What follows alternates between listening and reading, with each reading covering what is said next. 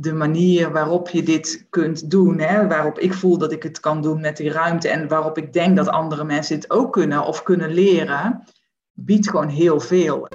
Nimcast, de podcast van het NIM. Opgericht voor en door muziektherapeuten. Het is een platform voor nascholing in muziektherapie. En het NIM wil met de aangeboden scholing dat jij morgen kunt toepassen wat je vandaag geleerd hebt.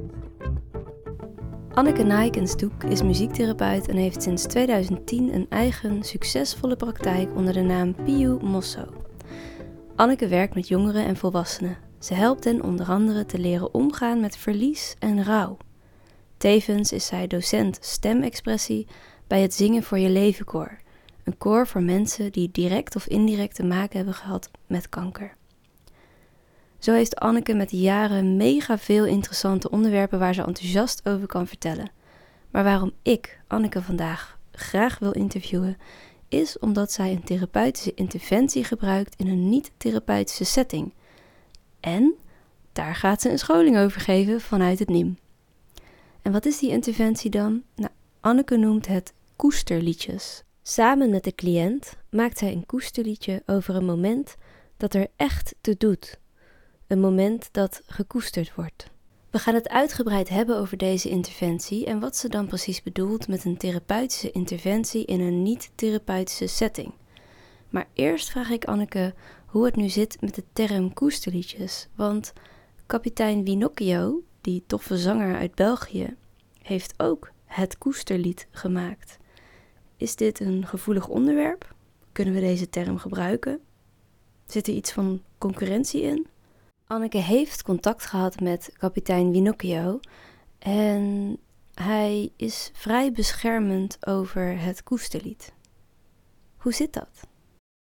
Moeten we nou het woord koesterliedjes vermijden of hoe gaan we dit doen? Ja, maar er zit, misschien moet ik dat wel uitleggen. Er zit wel een andere reden op. Want de reden waarom dat, uh, uh, hij zo beschermend is, is omdat het hem ook aan het hart gaat.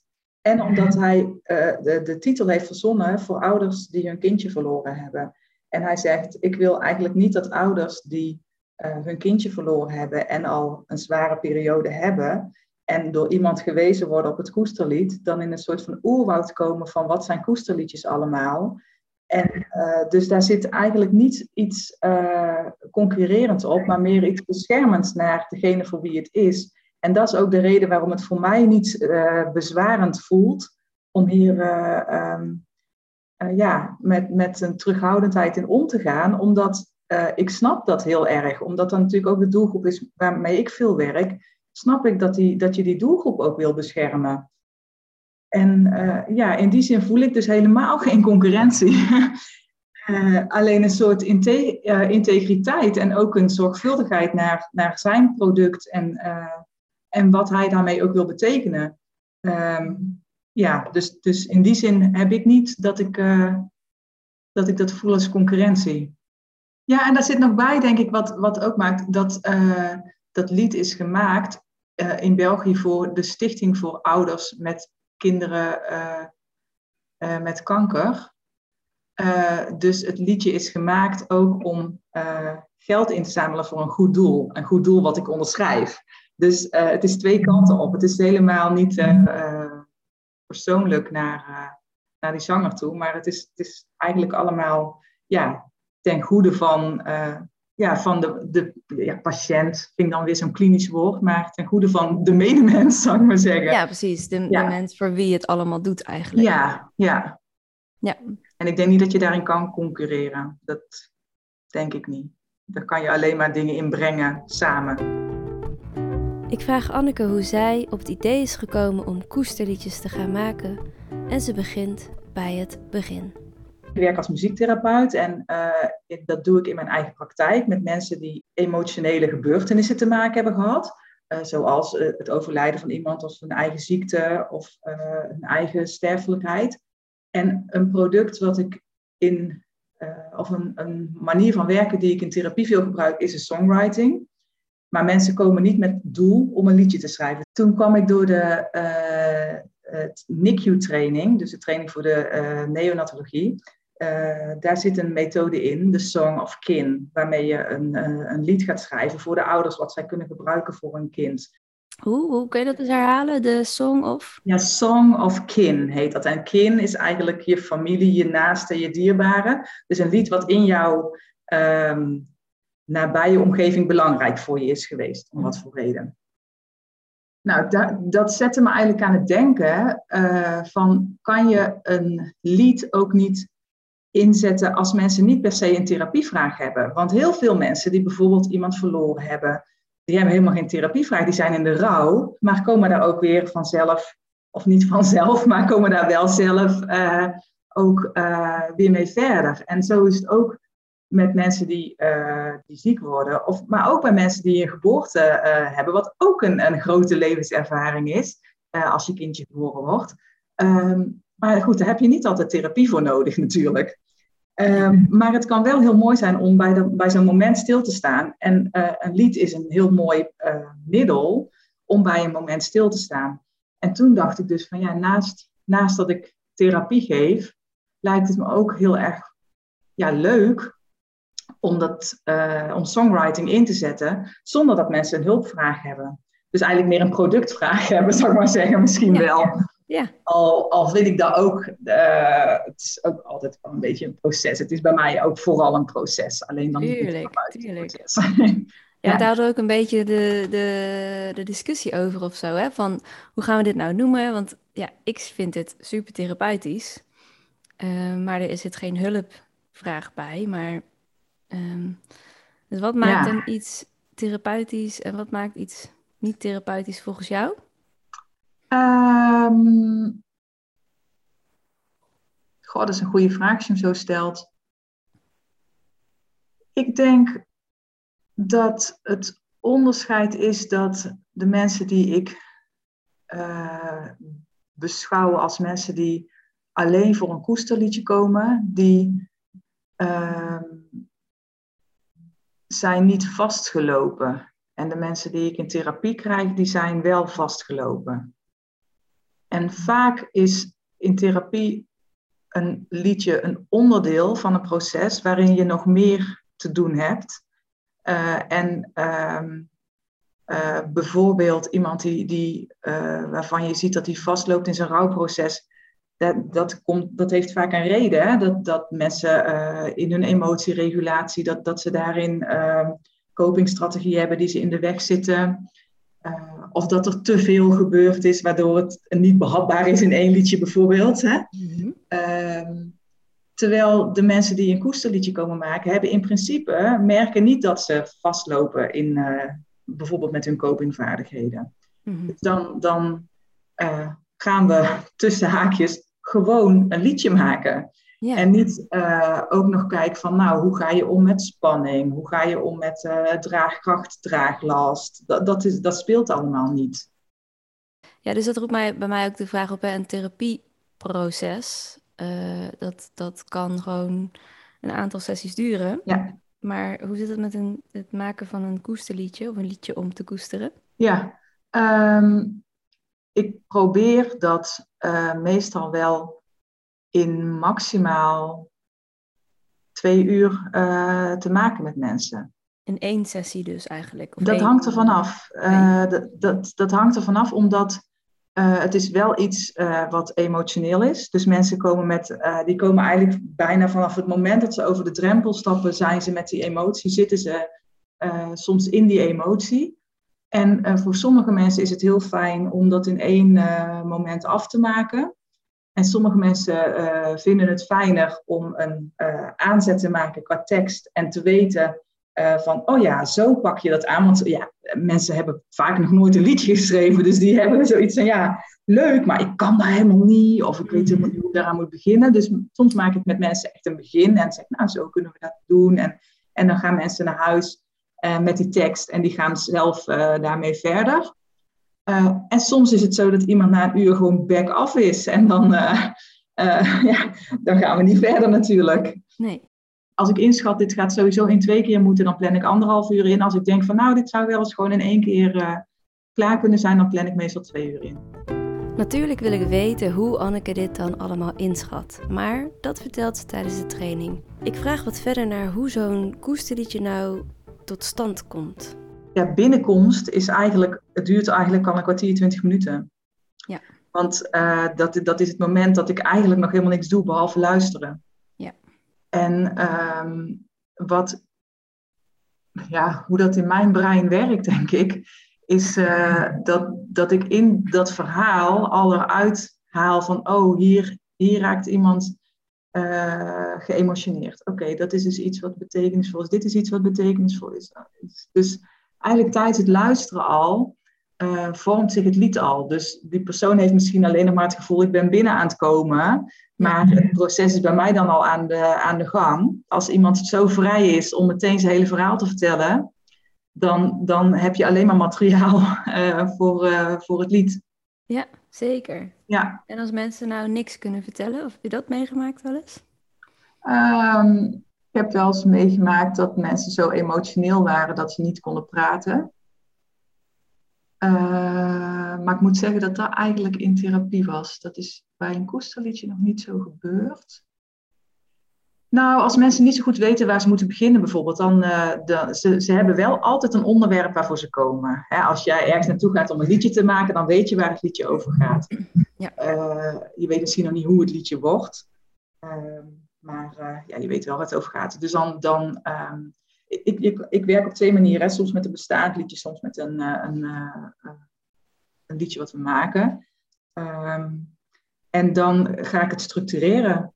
Dus dan zeg ik, nou, hè, we kunnen hiermee beginnen. Wat is nou het belangrijkste wat je hierin hebt meegemaakt? Of wat staat je het meest voor de geest? En ja, ik heb eigenlijk nog niet meegemaakt dat er niks komt. Want ja, dat heeft denk ik, en daar gaan we in de training ook op, op verder op in. Hè, dat heeft heel erg met je luisterhouding te maken. En wat jij daarin aan, uh, aan ruimte hebt om het verhaal te ontvangen.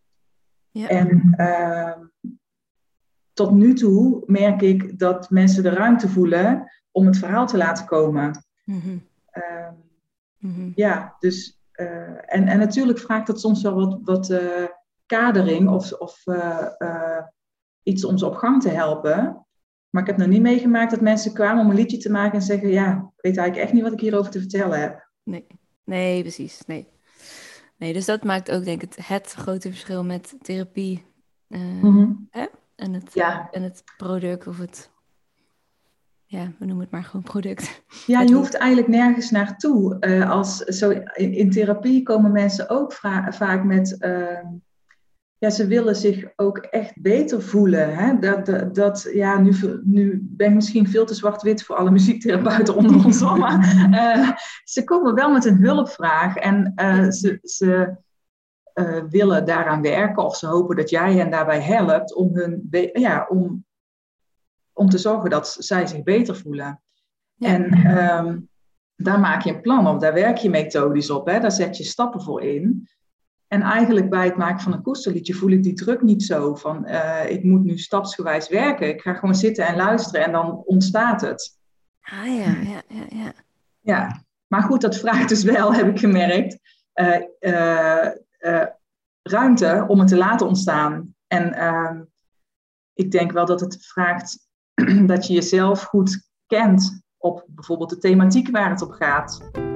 Ik vraag Anneke of zij het idee heeft dat zij zichzelf goed kent en waarom dat zo belangrijk is. Nou ja, weet je, um, ik heb natuurlijk stervensbegeleiding opleiding gedaan, dus ik ben wel veel bezig geweest met het onderwerp sterven en daarin ook met mijn eigen sterven. Wat bedoel je met je eigen sterven? Nou, hoe, je daar, hoe ik daar tegenover sta en welke angst ik daarin heb en welk vertrouwen ik daarin heb en uh, nou, welke gedachten ik daarover heb. Um, en dat, dat geldt ook voor het onderwerp ziekte in, in een gezin, uh, ziekte bij, uh, bij mensen zelf, iemand verliezen. Um, ik, ik ben wel daarmee aan de slag gegaan om daarmee te, vertrouwd te raken. Um, waardoor ik uh, weet, uh, ja, waardoor ik verbinding met mezelf weet te houden. Als er iets is wat, uh, ja, wat er zijn, worden gewoon best wel heftige dingen verteld in, ja. in de ruimte. Um, ja, en je kunt jezelf daar wel in trainen. dus de, de, dat wordt dus ook een onderdeel van de, van de studiedag, omdat dat echt wel belangrijk is, dat je met dat soort onderwerpen vertrouwd raakt. Ik kan me voorstellen dat het aanhoren van de verhalen van de cliënt erg kunnen raken. En ik ben erg benieuwd waarom deze thematiek Anneke zo aantrekt. Ik merk, of ik denk te merken, dat uh, het gaat heel erg over existentiële dingen, heel, heel erg basisdingen in het leven, dingen die iedereen ook overkomen op een bepaalde manier. In zekere zin is ieders leven eindig, dus het is heel e-, existentieel. Ja. Als mensen daarmee geconfronteerd worden, het zijn eigenlijk twee dingen. Um, het eerste ding is dat, ze, dat, dat dat niet iets is waar veel over gesproken wordt. Dus um, mensen um, vinden het vaak fijn dat er over gesproken kan worden zonder dat er een invulling aan zit. Ja, als voorbeeld, uh, um, als iemand iemand verloren is, dat de buurvrouw zegt, uh, ach, maar dat is nou toch al twee jaar geleden, weet je wel. Oh, ja. Hm. Wat allemaal goed bedoeld is, maar hm. wat uh, um, dan niet raakt aan, aan de, de werkelijke beleving. Ja. En um, ze merken dus van gewoon je verhaal kunnen doen en dat, dat het niet uh, niet ingevuld wordt of dat er geen oordeel op zit, dat mensen het heel prettig vinden. Waardoor, dat is eigenlijk het tweede, doordat het over zulke existentiële dingen gaat, is er ook heel snel heel veel nabijheid in, de, uh, in het contact. Je, je mag heel uh, snel, of nou je, ik mag inmiddels best wel snel bij mensen op een heel kwetsbaar punt komen. En ik voel me daar vertrouwd in. En ik voel ook dat ik daarin een soort basis heb uh, waardoor ik niet aan het wankelen ga. En dat is gewoon een prettig gevoel, weet je. Ik voel, me, ik voel dat ik dat kan en dat ik dat kan hanteren. Ja, misschien als je het over containen hebt, weet je, dat, dat ik die kan containen. En misschien kan ik dat wel makkelijker dan bij uh, ja, mensen met dementie of zo. Misschien zit daar niet mijn innerlijke ruimte. heb ik dat uh, niet. En heb ik dat bij deze, uh, deze mensen wel. Ja. Ja. Ook ergens wel een fascinatie heb over leven en dood natuurlijk. Want je gaat niet voor niks kiezen voor dit onderwerp, denk ik. Ja. Uh, en uh, ik ben ook altijd wel wat, uh, wat bang geweest voor mijn eigen sterfelijkheid. En misschien dat daar ook wel een soort van. ja, het, willen begrijpen of zo, dat dat er oorspronkelijk ook onder zat. Of het misschien niet willen begrijpen, maar kun, kunnen grijpen. Mhm. En die angst is nu veel minder. Uh, dus die is eigenlijk uh, verschoven naar een soort comfortabel zijn met dit onderwerp. Of weten wanneer ik er niet comfortabel mee ben en er afstand van nemen. Want ik, er zijn ook dingen waar ik van weet, als ik hier nu over ga nadenken, ja, dan uh, helpt me dan niet, zou ik maar zeggen. Dus, dus bijvoorbeeld uh, een gedachte als, ik denk dat iedereen die wel heeft, wat als er nu iets met mijn kinderen gebeurt? Oh ja. Hè, zo, dat kan een gedachte zijn die zo door je hoofd schiet. Mm en ik weet dat als ik daar echt heel erg over na ga denken, ja, dan word ik echt misselijk. Dus ik weet ook, oh ja, goed, ik weet dat dat op. Ik hoef daar ook niet over na te denken, want dat is iets daar heb ik geen, ja, natuurlijk heb je er wel een beetje controle op, maar ook, ja, maar ook heel veel niet. Nee, precies. Uh, ja, dus uh, uh, het leren loslaten en je leren ook een stukje overgeven aan, ehm, aan wat het leven is en wat het leven doet. Ja, ik ben daar wel ontspannender in geworden. Mm -hmm. Ja, mooi. Dus je zegt eigenlijk bij de, bij de koesterliedjes en hè, bij jouw werk als, als muziektherapeut, um, kan ik heel dicht bij de, bij de mens komen, bij dat, het kwetsbare stukje rondom dat thema. Ja. Waar je eigenlijk zelf een heel erg uh, persoonlijk proces in hebt meegemaakt, wat eerst misschien juist, waar, juist, waar je juist uh, de neiging had vanuit angst om er juist dat weg te duwen of zo. Of ja, afstand te nemen. Maar nu ja. ben je eigenlijk helemaal comfortabel bij. Ja, ik, ik ben er comfortabel bij. En ik weet dus ook wanneer ik het niet uh, echt comfortabel bij ben. En kan dat ook erkennen. En kan dan ook zeggen, nou oké, dus nu niet. En dat is kennelijk heel belangrijk. Ja, dat is zeker. Ja, dat is zeker. Want ik, tenminste, dat geloof ik dan. Hè. Ik kan niet voor iedereen spreken. Maar kijk, als iemand zijn levensverhaal vertelt, dan vraagt dat dat je daar open voor staat. Uh, binnen deze setting. Hè? Ik bedoel, niet continu, maar binnen deze setting.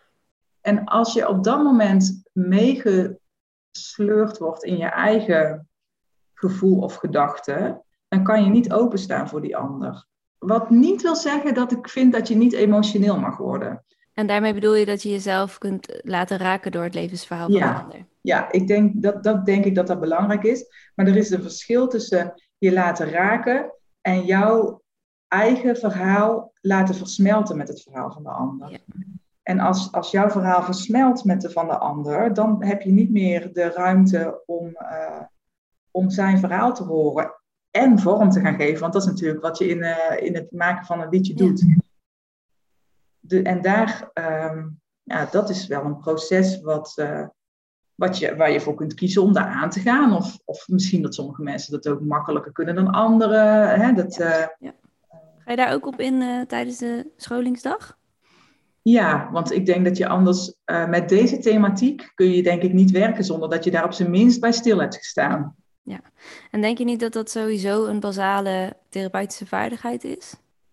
In, met welke doelgroep dan ook? Ja, het is inderdaad een, een therapeutische vaardigheid, maar dat zit, ik ben aan het zoeken naar welke laag ik uh, ervaren heb, uh, waarin het anders is dan, dan in, het, in, het, in andere werkvelden. En dan gaat, dat, dan gaat het dus om mijn ervaring daarin. Zeker in het niet-therapeutisch werken, dus wat ik bij Koesterliedje doe, doe, dat er dan een ander soort van gelijkwaardigheid is. Je bedoelt een ander soort gelijkheid? Ja, misschien wel. Ja, ik weet, ik, ik ben niet zo van. Uh, daarom twijfel ik ook zo over die woorden, omdat ik vind niet dat, dat ik vind dat je als therapeut ook niet boven de cliënt staat. Daarom zeg ik een ander. Dus, dus dan zou ik het onderscheid willen maken tussen hè, gelijkwaardig, iedereen is gelijkwaardig, iedereen is evenveel waard, maar de, in een relatie, een therapeutische relatie, is er wel een ongelijkheid. Ja. ja. Je bent geen gelijke met elkaar. Nee. En dat ik denk dat, dat um, ik misschien uh, als ik een koesterliedje maak, nog, uh, nog dichter bij mijn mens zijn ben dan wanneer ik therapeut ben. Mm -hmm. Al vind ik het dus echt heel moeilijk om er woorden aan te geven. Want als dat, je het dat heel, heel zwart ziet... Nee, nee, inderdaad. Het is zoveel nuance op dat, dat, dat ik daar bijna niet uit kan leggen. Ja. Dat raakt me dan ook wel. Ja. Wat, wat raakt je dan? Ja, weet ik niet, dat, um, dat het zo over mens zijn gaat of zo. En dat, dat uh, misschien dat ik dat ook soms zo lastig vind in, tussen aanhalingstekens, de zorg, waarin er zoveel uh, soms moet. Uh, dat, dat, dat het mij soms moeilijk lukt om echt alleen maar mens te zijn. En hè, je hebt natuurlijk ook bepaalde taken en een bepaalde rol. En ja, dat, dat zoekproces. Het koesterliedje is echt um, uh, voor, voor mensen die bij jou komen voor dat resultaat. Die willen gewoon Ja. met dat resultaat mee naar huis, het koesterliedje. Ja, En natuurlijk zit daar een heel proces in. En dat proces is super therapeutisch. Maar je hebt er geen behandelplan aan, je hebt er geen hulpvraag bij. Je hebt er in die zin ook geen verantwoordelijkheid over, over Ja. dat therapeutische proces. Want het is geen therapeutisch proces. Ehm, of het is geen therapiebehandeling. Ik vind het nog steeds een therapeutisch proces. Maar goed. En nou ja, da- daar zit dus een, een heel groot verschil in. Maar ook is het heel, heel dicht bij elkaar of zo. Misschien is, het- is dat wel een parallel. Dat het zo, ook die afstand en nabijheid. ja, ja, Dus dat koesterliedje en gewoon een muziektherapieproces. ja, ja.